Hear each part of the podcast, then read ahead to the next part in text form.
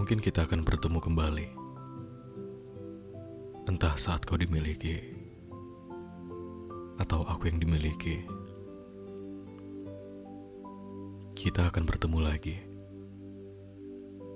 Entah aku masih menyimpan rasa itu untukmu, atau tidak sama sekali. Jika hari itu tiba, mungkin kita akan saling melupa atau saling mengubur dengan pura-pura tidak mengenali satu sama lain. Kita akan dipertemukan kembali. Tuhan tahu itu. Sebab hanya ia yang mampu mengatur perjumpaan dan perpisahan. Apa kau tahu?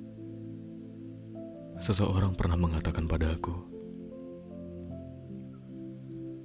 permainan hidup yang sebenar-benarnya ialah perpisahan dan pertemuan.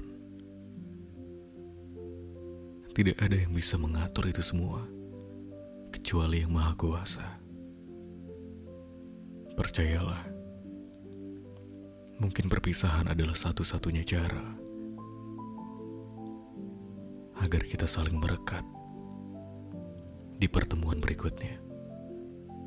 Mungkin luka adalah cara untuk saling setia di pertemuan selanjutnya.